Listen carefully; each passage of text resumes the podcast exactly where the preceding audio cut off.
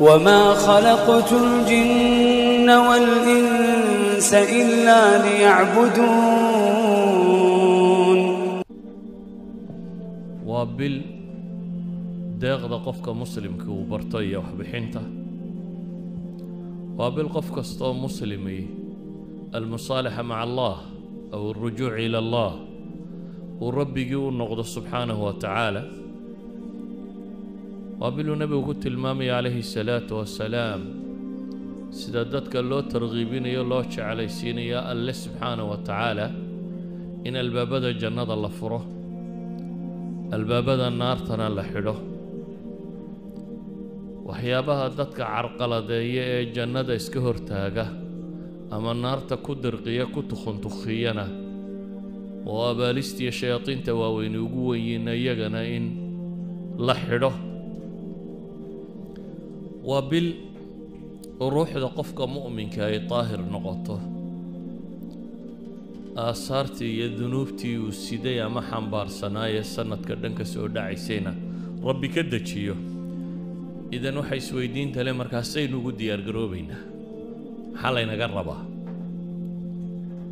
Inta ugu badan dadku qolana dee maba oga alla hanuuniye inta ogina waxaa laga yaabaa inuu diyaargarowgooda noqdo guriga raashin fiican in la dhigo shaqada inuu iska yareeyo hurdada iyo cunnadaba inuu badsado oo wakhtiga cunnadu baynu bedellaa oo halkii maalintii wax laga cuni jiray un baynu u raraynayno maxay? Habeenkii cunno. Markaad eegto guriga cunnada la dhigo bisha kale iyo bisha ramadaan cunnada la dhigo marar badan waxaa badan maxay? Ramadaantii cunnada aynu qaadanno. Al asluna maaha cunno inaynu diyaargarowno waayo maanta dunida inteeda badan caafimaadku waxay isku raacsiisan yihiinba in la soomo inuu caafimaadku ku jiro. Oo ah in caloosha la nasiyo oo cunnadu markay yaraato waxay dhahdaan beerkaagu wuxuu wakhti badan u helayaa. Sumuumtii jidhkaaga ku jirta inuu safayn karo waxaa cunnadu markay yaraato uu jidhku helayaa bay yidhaahdaan. Renewal. Old cellskao dham inay dhintaan. Jidhka bay yidhaahdaan. Unugyada daciifka iyo unugyada gaboobay wuu dilaa. Unugyo cusub baa dhasha. Markaa qofku renewal caafimaad buu ka qaadaa. Walidaalik baa maanta miisaankaa dhinma kanbaa dhaca kanbaa dhaca xanuunno badan bay ku daweeyaan.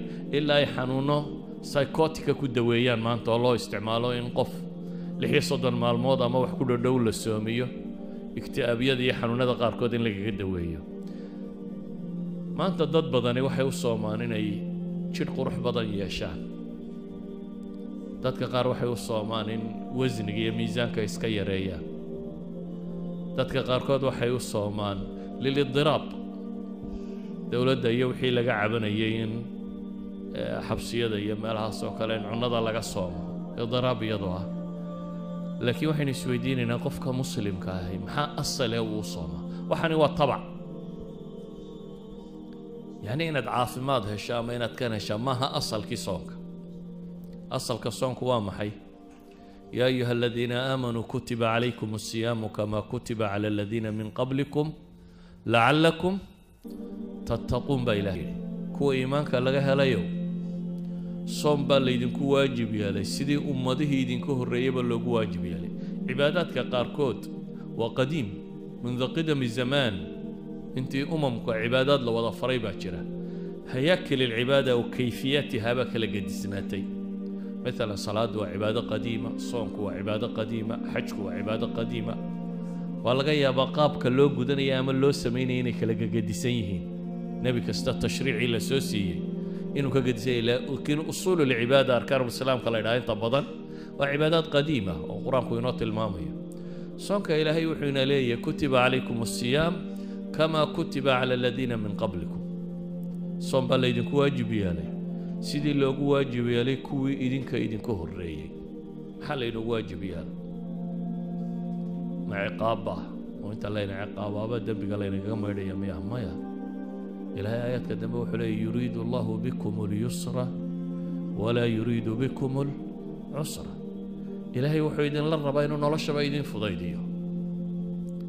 Soonkaba waxaa laydiin faray in noloshu idiin fududaata baa la leeyahy culaysna rabbi idinlama rabo. Idan soonka culays kuma jiro. Haddii sidii sharcigu uu sheegay loo samaynayo waxaa ilaahay ina farayaa sababta waa maxay? Lacalakum tattaquun. Ina mansilatu taqwa gaadhaan. Aslulcibaadaba mansilatu taqwa bay ku gaadhsiisaa. Yaa ayuha annaasu icbuduu rabbakum icbuduu rabbakum aladii khalaqakum waladiina min qablikum lacalakum tattaquun baa ilaahay yidhi. Wardadow rabbigiin caabuda idinka idin abuuray iyo kuwa idinka horreeyeyba maxaa u caabudaysaan? Lacalakum tattaquun kayta tattaquun haddaba ayuhalaxiba waxaynu u baahanay ramadaan in loo diyaargaroobo munaafiqiintii ka hadhay dagaalka ee dabeetana cudurdaarka nebiga ula yimid. Dagaalkii dagaal eh, maxaa la yidhaha tabuuk markii loo baxayey tabuuk waa dowlad weyn baa dagaal lagala hortegayay oo dowladdii romaniska iyo dadkii raacsanaaya. Wakhtiguna wakhti kulul buu ahaa oo wakhtigan khaliijka arbiciinka iyo khamsiinku ka dhacaan. Yani wakhti samara xagaaya bay ahayd dabeetana bil wakhti ku dhadhowna waa la lugaynayaa xagaaga marka raggii daacadda ay ka ahaydna way u diyaar garoobeen inay lugta iyo wuxuu fuuli lahaa iyo bishaas siduu socon lahaa.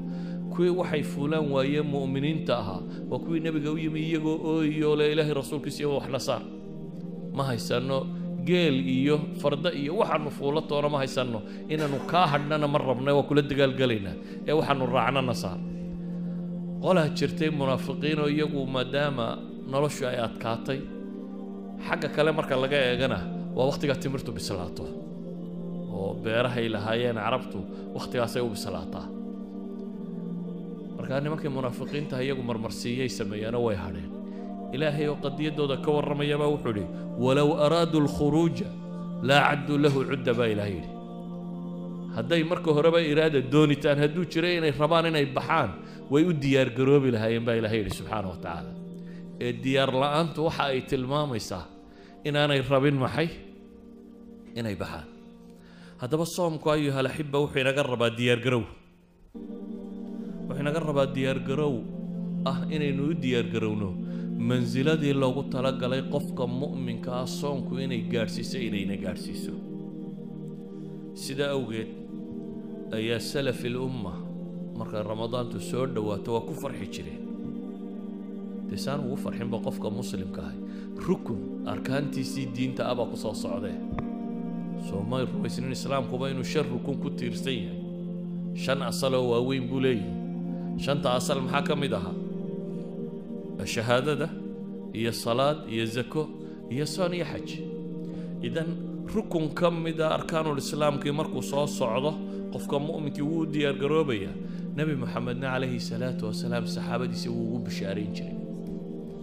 Xadiidka saxiixu sunani nisaa'i ku yaalla wuxuu nebigu leeyahy ataakum ramadaan shahrun mubaarak farad allahu caza wajalla calaykum siyaama tuftaxu fiihi abwaabu alsamaa وتغلق فيه أبواب الجحيم وتغل فيه مردة الشياطين لله فيه ليلة هي خير من ألف شهر من حرم خيرها فقد حرم نبي صلى الصحابة الله الضية رضوان الله عليهم أي نبي صلوات الله وسلامه وحليه ورياده رمضان بايدين تمبو نبي لي وبالبركة سنة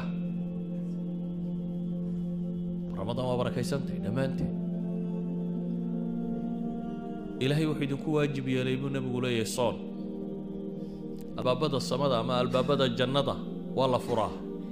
Abwaabu samaa waa la furaa acmaashiina la aqbalaya.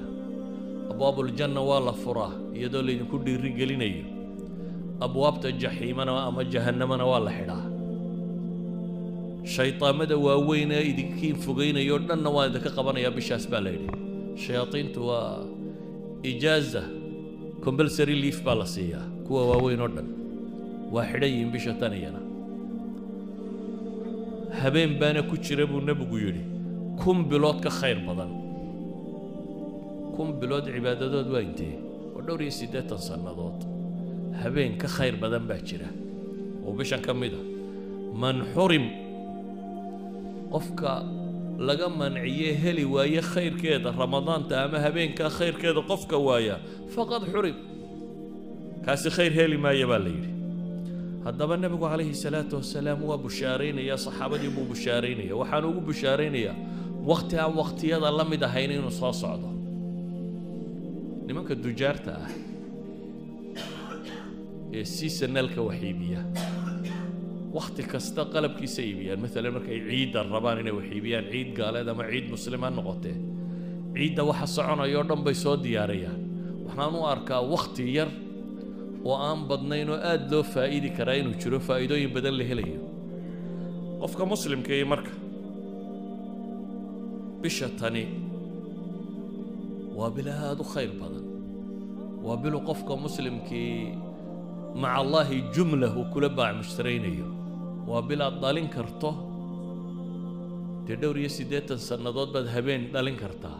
Dhowr iyo siddeetan sannadood cimriga wixii aad cibaado samayn kari lahayd ayaa habeen ka mid a ramadaantaad samayn karaysaa idan waa bil aan wakhtiga intiisa kale kuula mid ahayn saa daraaddeed qofka muslimkii wuu diyaargaroobaya bishan weynadeeda waxaa kuu tilmaamaya laba nin oo saxaabada ka mid ah ayaa soo hijrooday. Dabeetana طalxa bnu cubaydillaahi iyo saxaabigii la odhan jiray bay la degeen. Labada nin way jihaad galeen markii ay jihaad galeen ayaa midi shahiidnimo qaatay.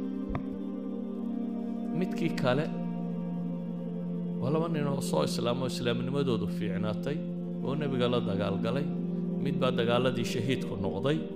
Kii kalena sanad kaluu sii noolaaday.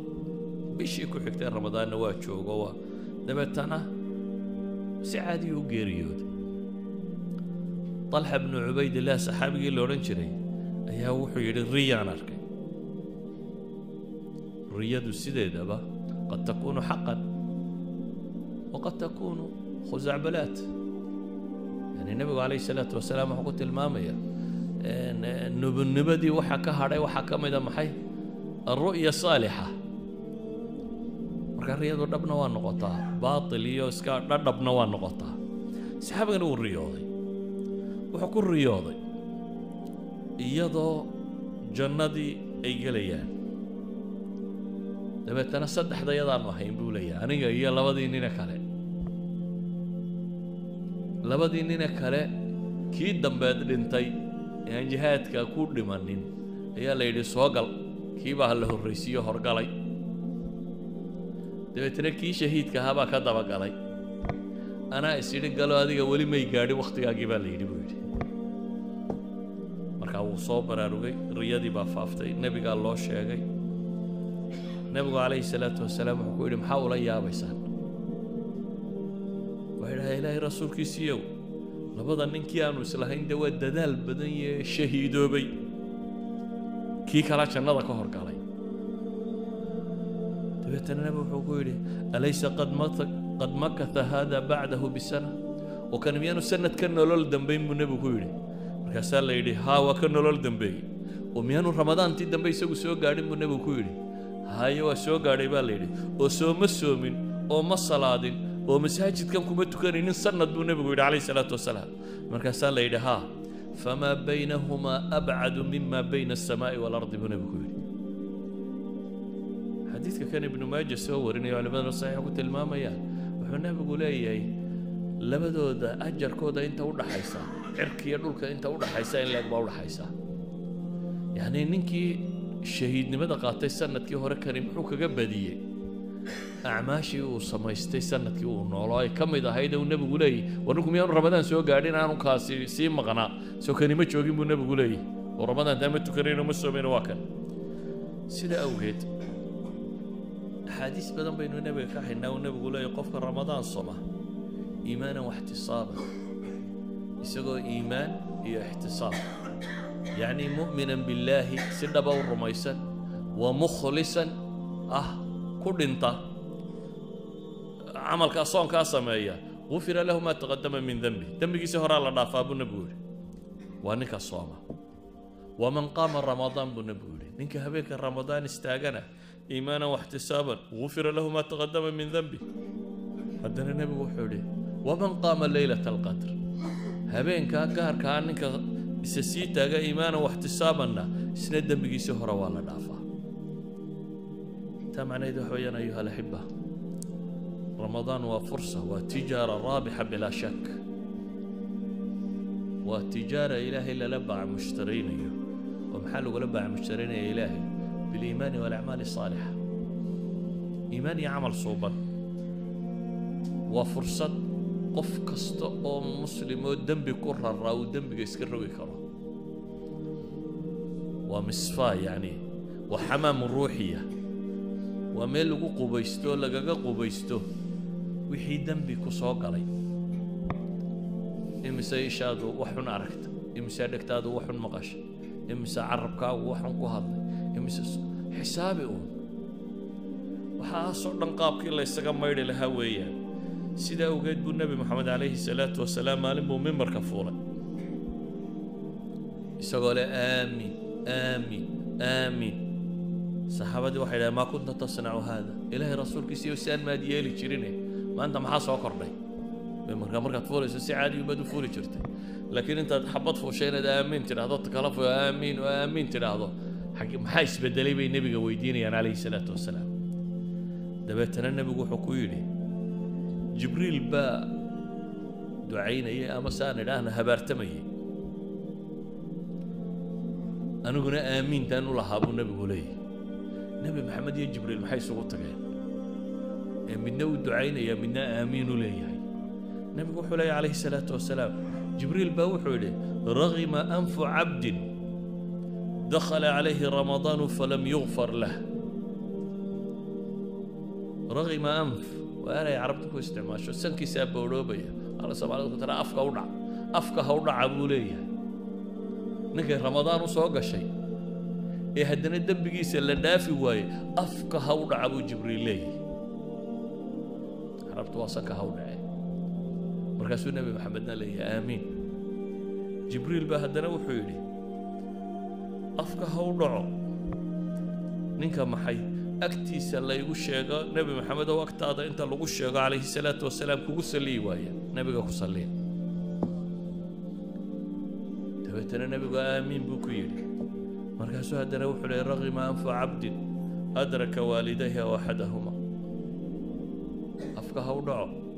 Qofka labadiisii waalid soo gaadhay ama mid iyagoo yacni gaboobay falam yudkhilhu ljanna falam yudkhil iljanna oo janno ku geli waayey labadiisii waalid. Samafalka iyo axsaanku uu samaynayo. Kaasina afka ha u dhaco. Xadiidkani wuxuu tilmaamayaa saddex camal oo janno lagu galo. Midi waa waalidka iyo ixsaanfalkooda midna waa salliga nebiga calayhi salaatu wasalaam kalena waa ramadaan nimay u soo gashay oo haddana dembigiisa la dhaafi waaye yani saddexda qofee la habaarayo midi waa ninkii nebi maxamed ku salliyi waayey midna waa ninkii waalidkii u samafali waayey ka saddexaad waa maxay? Qof ramadaanna u soo gashay ramadaanna ka dhammaatay isagoo aan weli dembigiisa la dhaafin. Yacni ma istafaada min ramadaani shay-a. Ramadaan aan waxba ka faa'iidin. Yacni ninka ramadaan wax ka faa'idi waaye man xurima khayruha faqad xurim buu nebigu leeyay leylat lqadri iyo wixii ninka taa khayrkeeda laga xaaraam yeelay. Khayrkeedu uu waayey. Kaasi khayr heli maaya buu nebigu leeyay calayhi salaatu wasalaam. Sidaa awgeed ayuha alxiba markaa waxay leenahay waxaynu u baahanay inu ramadaanta u diyaargarowno oo ugu diyaargarowno sidii kow ilaahay dembigaaga u dhaafi lahaa nebigu calayhi salaatu wasalaam wuxuu tilmaamaya xadiidka muslim ku yaalla الصلوات الخمس والجمعة إلى الجمعة ورمضان إلى رمضان مكفرات لما بينهن إذا اجتنبت الكبائر حديث كان يوحو هي صلاتها الشنطة هي جمعة إلا جمعة هي رمضان إلى رمضان مدوى لبوحي مكفرات لما بينهن لبدا دحدو دوحي أها مدن بقوضة لقضافو ida ijtunibat ilkabaa'ir haddii dembiyada waaweyn laga fogaado. yacni waxaa jira horta sakaa'irtu waa dunuubta ugu badan. Waayo mararka marar badan waxaa laga yaabaa qofku hadduu qof noolba yahay de inuu kabiiradu ku dhaco xasuusto ilaahay uga toobad keeno. Sakaa'irta laakiin dadku waa iska wadaan. Sakaa'irta waa iska socotaa markaad masaajidka ka baxdo imisaad naag qaawan aragtaa? Imisaad wax kaa mamnuuca maqashaa? Imisaad t v aragtaa? Imisaad waxuun ku hadashaa? Imisaad halkeer fadhi ku dirarka tagtaa? Oo ama adigu aad waddaa ama iyagu ay wadaano aadna aad dhegaysanaysaa ila waa isla meeshuune yani haddii sakaa'ir la ururinayo waa haddaynu kabaa'irta kaba indhaqarsanno waa rarannay. Waagu markuu baryey ilaa iyo gabalku intuu ka dhacaya intaad ka seexanaysay dee intaa ama waad hadlaysay ama waad dhegaysanaysay intee khayr ahayd uun xisaabi? Saaka markaad soo kacday ilaa iyo caawa intaad seexanayso ama waad hadlaysay ama waad dhegaysanaysay mid hadlaya intee baa khayr ahayd uun isweydii markaa yani waxaynu garan karnaa sakaa'irta maalin walba ina fulaysa intay taagantahay dhowr shay oo sakaa'irta lagu maydhaa baa laynoo sheegay. Waxaa la yidhi salaad ilaa salaadi way maydhaa salaadda aad jamaca la tukato. Ninkii yidhi gabadh baa dhunkaday ee nebigu ku celceliyey muxuu nebigu ku yidhi war mead nala joogin markaanu salaadda tukanaynay me waa waa idinla tukaday buu ku yidhi. Ina alxasanaat yudhibna sayi'aat buu nebigu ku yidhi. Yacni salaad ilaa salaad haddaad salaadaha jamaca ilaaliso sakaa'irta u dhaxaysa way tirtirtaa. Jimce ilaa jimce ramadaan ilaa ramadaan. Waxaa laga yaabaa inaad su'aal isweydiiso oo haddii salaadan ilaa salaadan shantii salaadood maanta hadday tirtireen. Jimce ilaa jimca maxaa la tirtirayaa ilan maalin kasta shan baad soo tukatay. Haddii jimce ilaa jimca uu tirtiray maxaa ramadaan ilaa ramadaanta la tirtirayaa acmaashu kuwa saalixa ah acmaasha saalixaadka ah yaa maasha madmuumkaayba aahaarteeda waxaa ka dhalanaya waa bixasabi camali alcaamil waa bixasabi istifaa'i shuruudi alqubuul.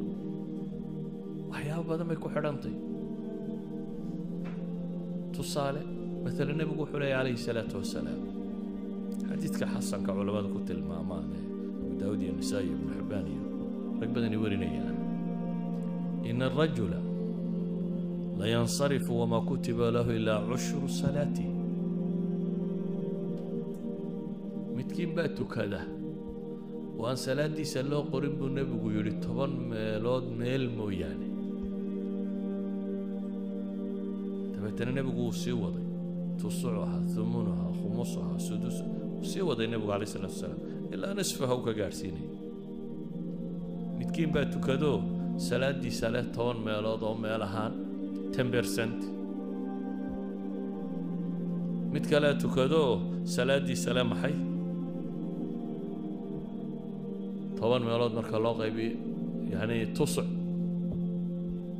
mid baa leh thumun waaxid calaa tamaaniya mid baa leh maxay sudus waaxid calaa sita mid baa leh khumus one over five. Mid baa le baa la yidhi rubuc quarter mid baa thuluth leh one ayuu salaadiisa leeyahay mid baa nisif leh nus oo waa maxay dee salaadda waxaad leedahay intaad ikhlaas tahay soo jeedo haddaa qalbigaaguba maqan yahay iyo ninkii salaaddiisa xaadirka ahaayee wuxuu akhrinaya garanaya u fiirsanaya soo jeeday dee isku ajar maaha labaduba salaad bay tukadeen laakiin salaadoodu waa maxay? Isku ajar maaha walidaalik nabigu calayhi salaatu wasalaam ama qur'aankaba ilaahay wuxuu leeyay waaqim asalaata طarafiya annahaari wa zulfan min alleyl ina alxasanaati yudhibna asayi'aat dalika dikra lidaakiriin baa ilaahay yidhi. Salaada oog labada dacalee maalintii iyo habeenkii wax ka mid ah. a ina alxasanaati yudhibna asayi'aat wanaagyadu ama xasanaadku waxay tirtiraan buu nebigu ayuu qur'aanku leeyahay sayi'aadka dalika dikraa lidaakiriin laakiin salaadaha iyo cibaadaadka iyo soonka iyo waxaynu samaynaynaa. Waxay ku xidhan yihiin wakhtiga la sameeyo. Kow awqaad waa kala fadli badantay. Makaankaa kala fadli badan meesha lagu sameeyo.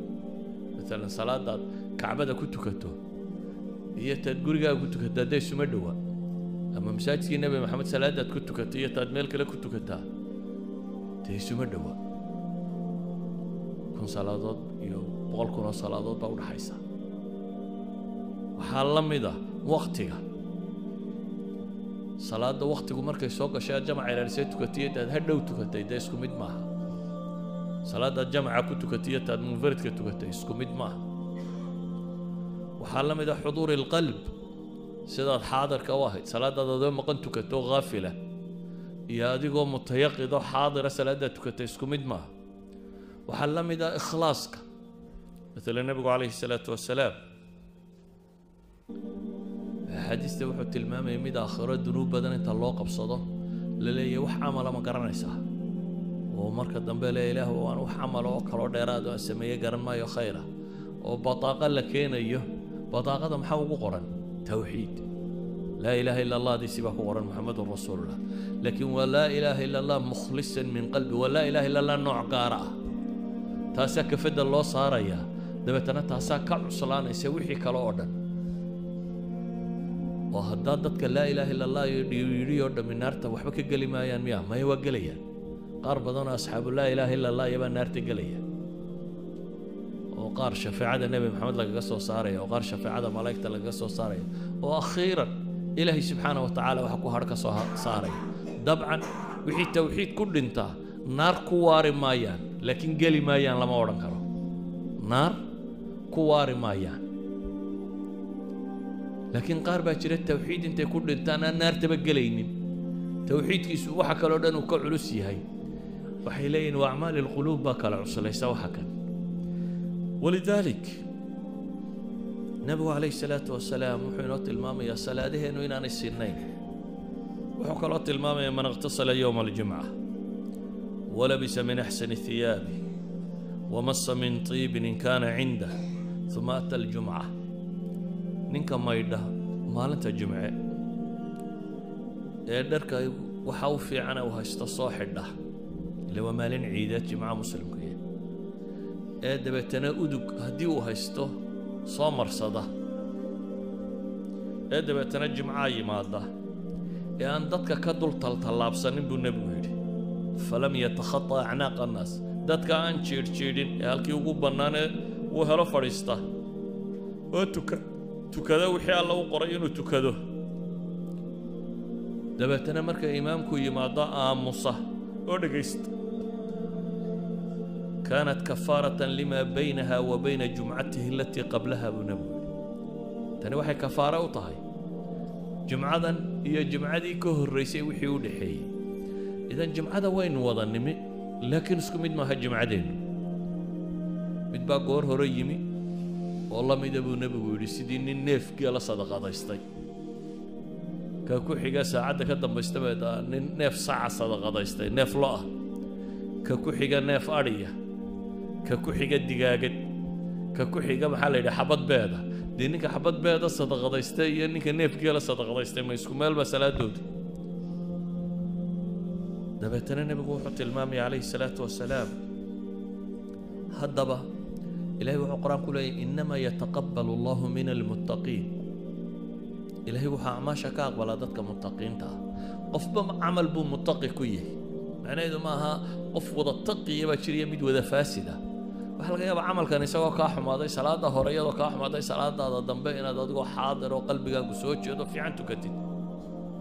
Idan camalka intaad soo jeeda baad ajarkiisa weyn leedahay. Intaasaa inta dunuubta masaxaysa bay culammadu idhaha markaa salaadahaagii haddii laysu gegeeyay ay wada dhammayn waayeen oo jimcadaadii marka lagu daro ay haddana wada maydhi kari weyday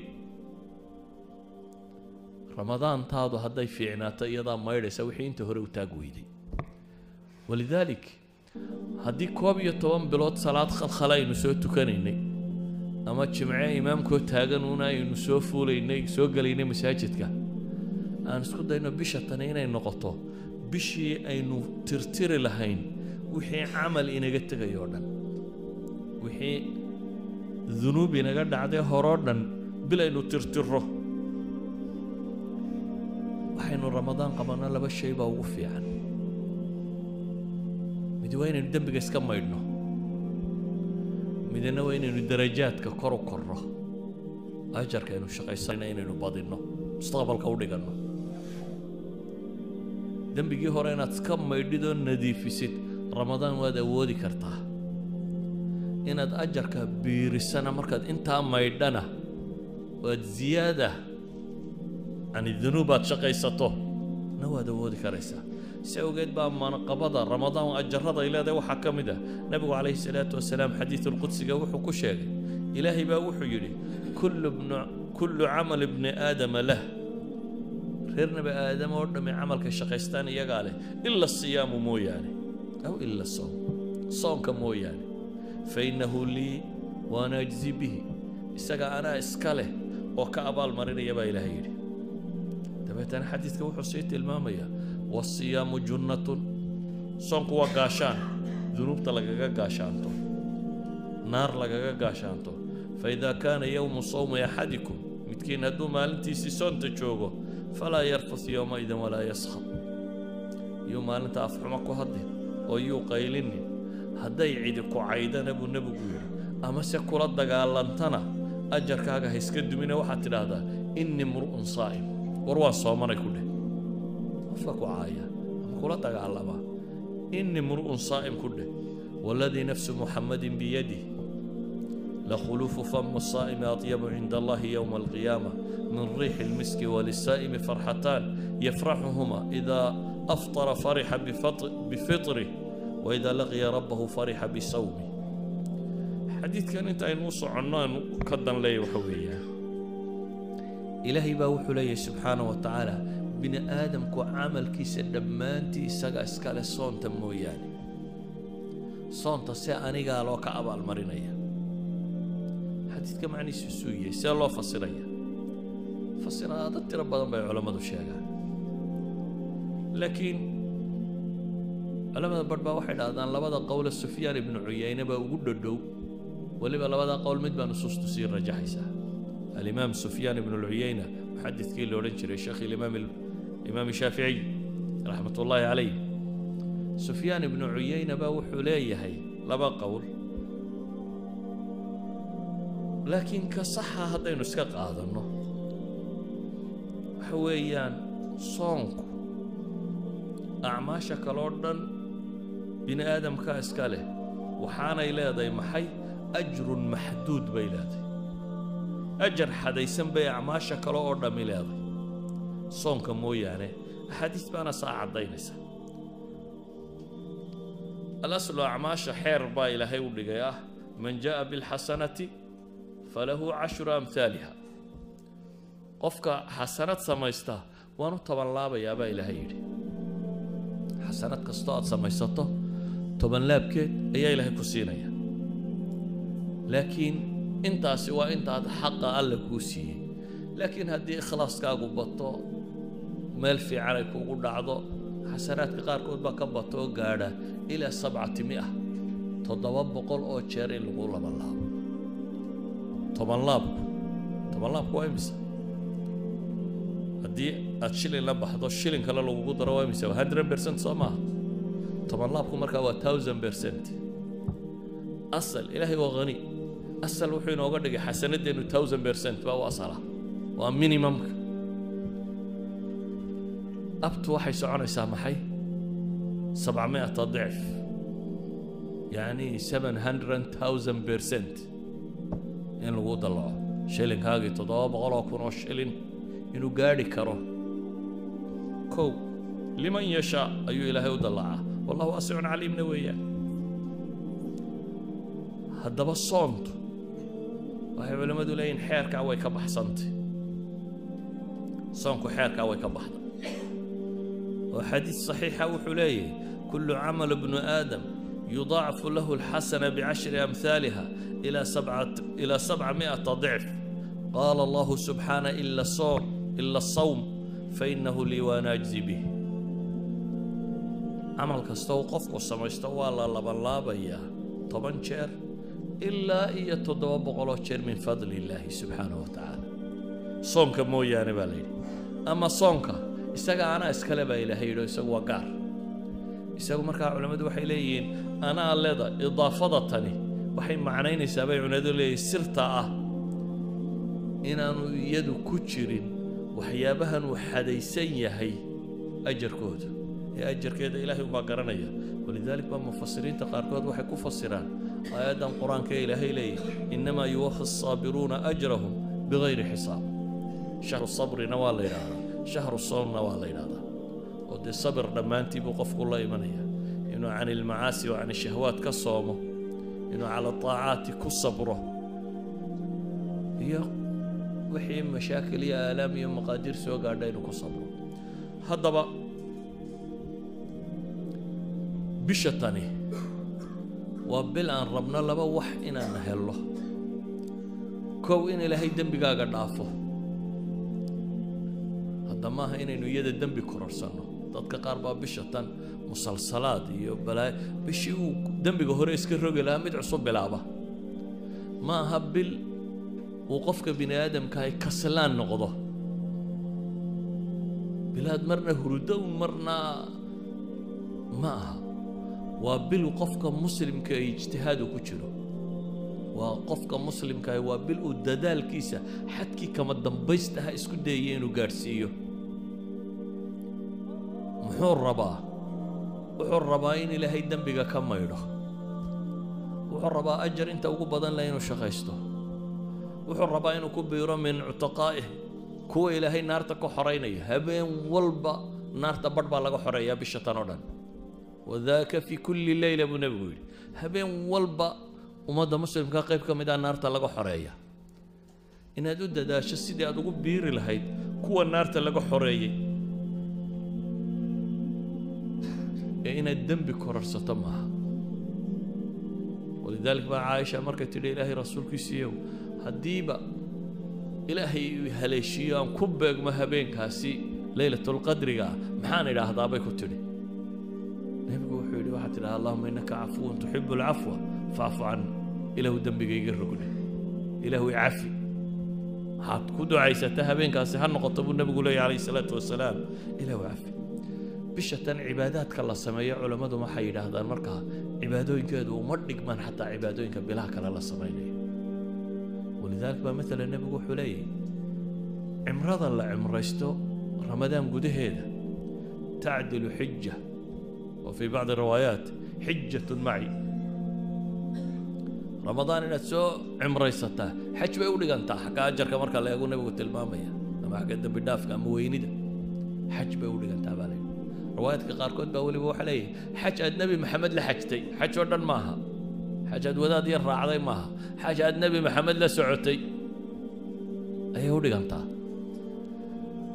Haddaba waxaan leenahay ayuha alaxiba bisha tani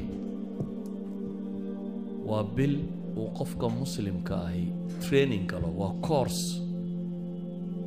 Waa course uu qofka muslimkii tadriib ku qaato. Tadriibkaasi kow wuxuu salaynayaa inuu uskaga iskaga maydho.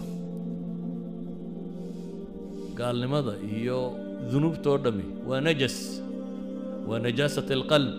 Kalaa bal raana calaa quluubihim maa kaanuu yagsibuun baa ilaahay tilmaamaya qalbiga waxaa daxaleeyay maa kaanuu yagsibuun uskagoo dhan inuu qofku iskaga maydho.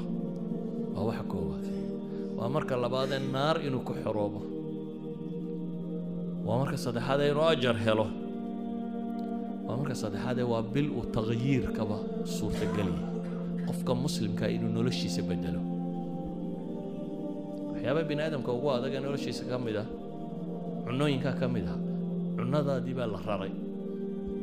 Wakhtigaad wax cuni jirtay iyo wakhtigaad seexan jirtay iyo wixii o dhan baa la bedelay idan haddii waxyaabihii fastka ku ahaba la bedeli karo everything noloshaada ku tacalluqa waad bedeli kartaa. You can change. Balwad ha noqoto caada xun ha noqoto dembe ha noqoto wax kasta oo nolosha ku tacalluqa.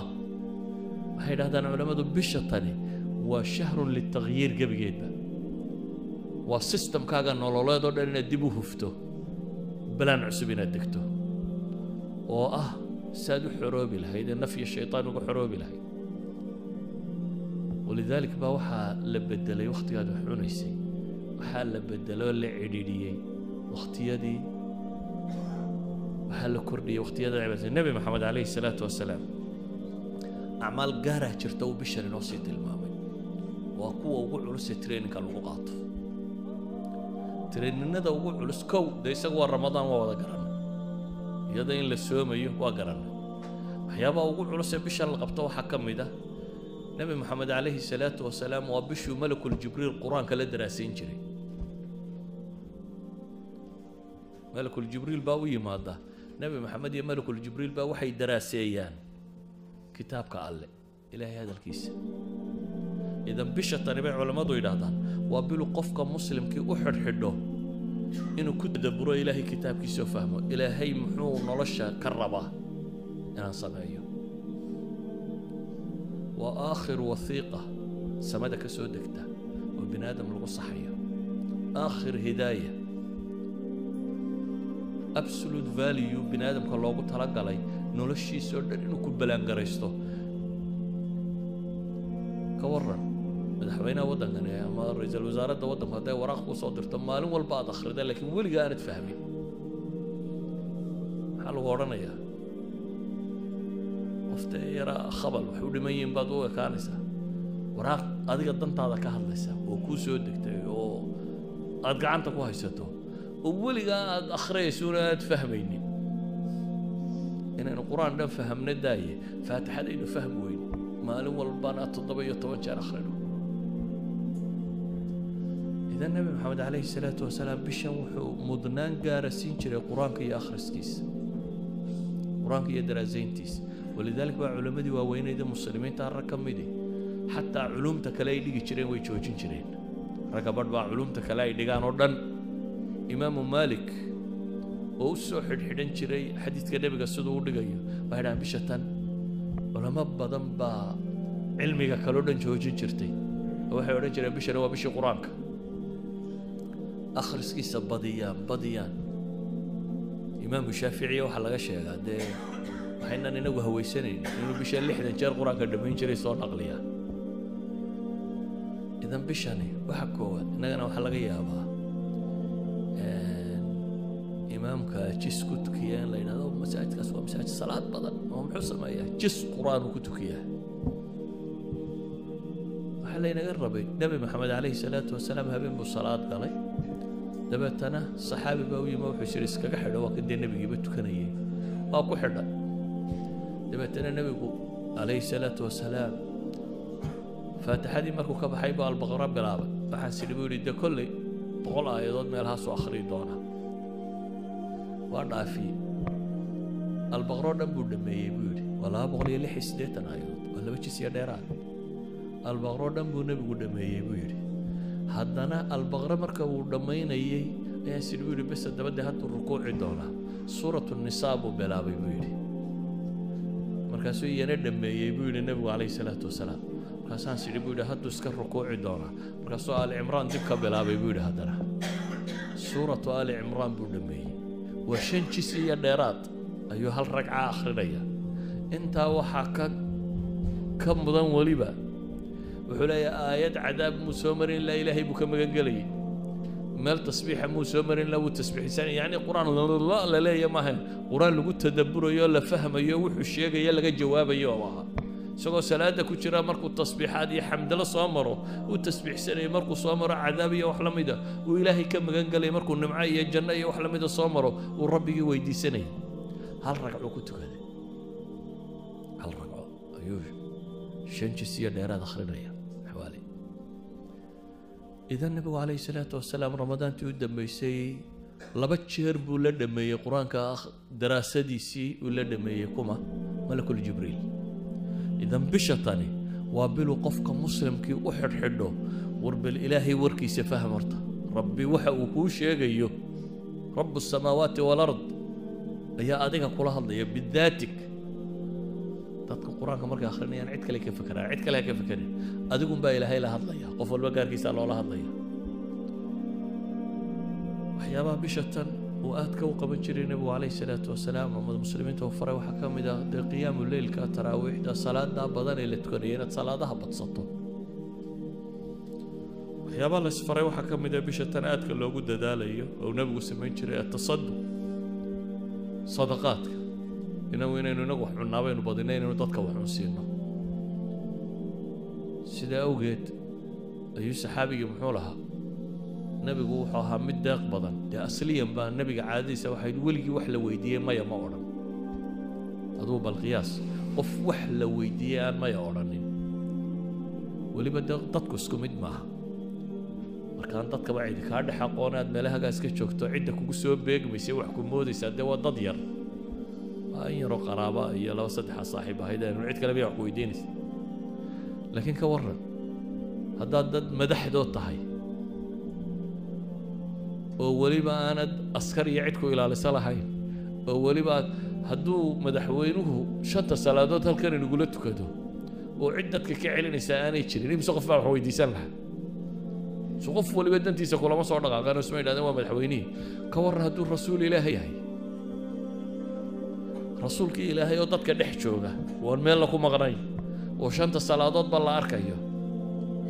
Oo haddana weligii wax la weydiiyey aan maya odhanin wax la weydiiyey aan qatu maya odhanin. Haddana isagoo sidaas noloshiisu ahay ayaa la yidhi haddana ramadaan wa kaana ajwad mima yakuun wuxuu ahaan jiray fii ramadaan. Bisha ramadaan wuu ka deeq badnaa. Bilaha kaloo dhan baa la yidhahdaa.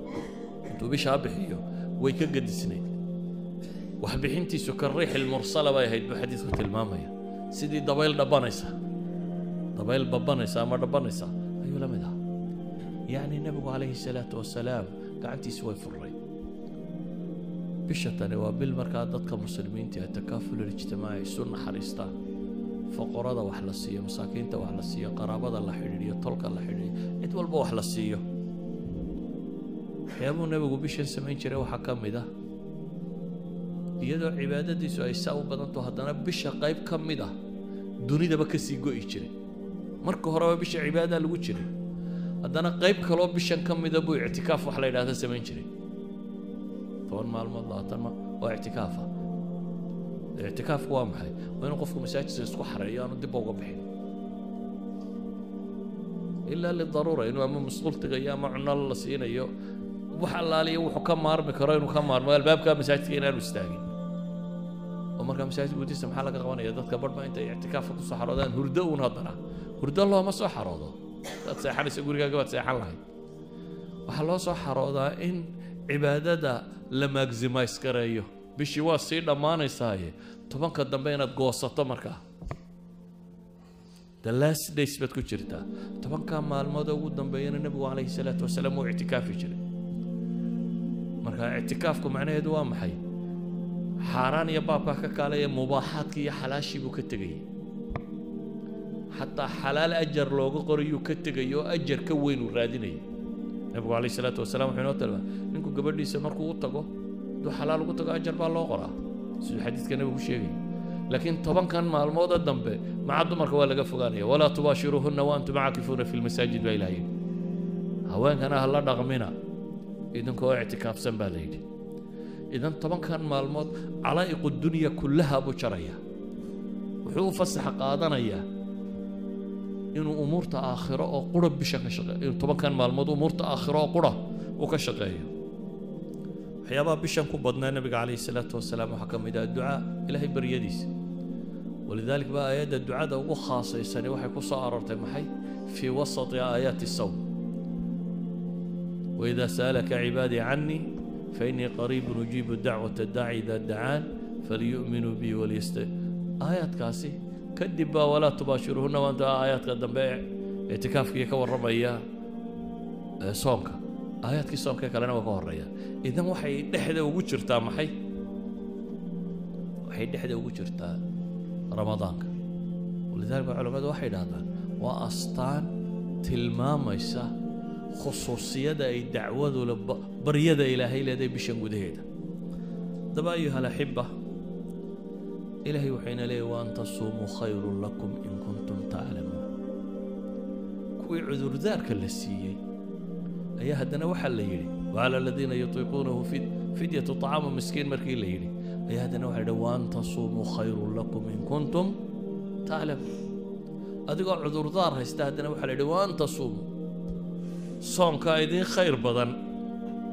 Haddaa wax garanaysaan baa ilaahayna leeyahy subxaana wa tacaala haddaa wax garanaysaan haddaba ayuha alaxiba warkaygu wuxuu ku kooban yahay bisha tan.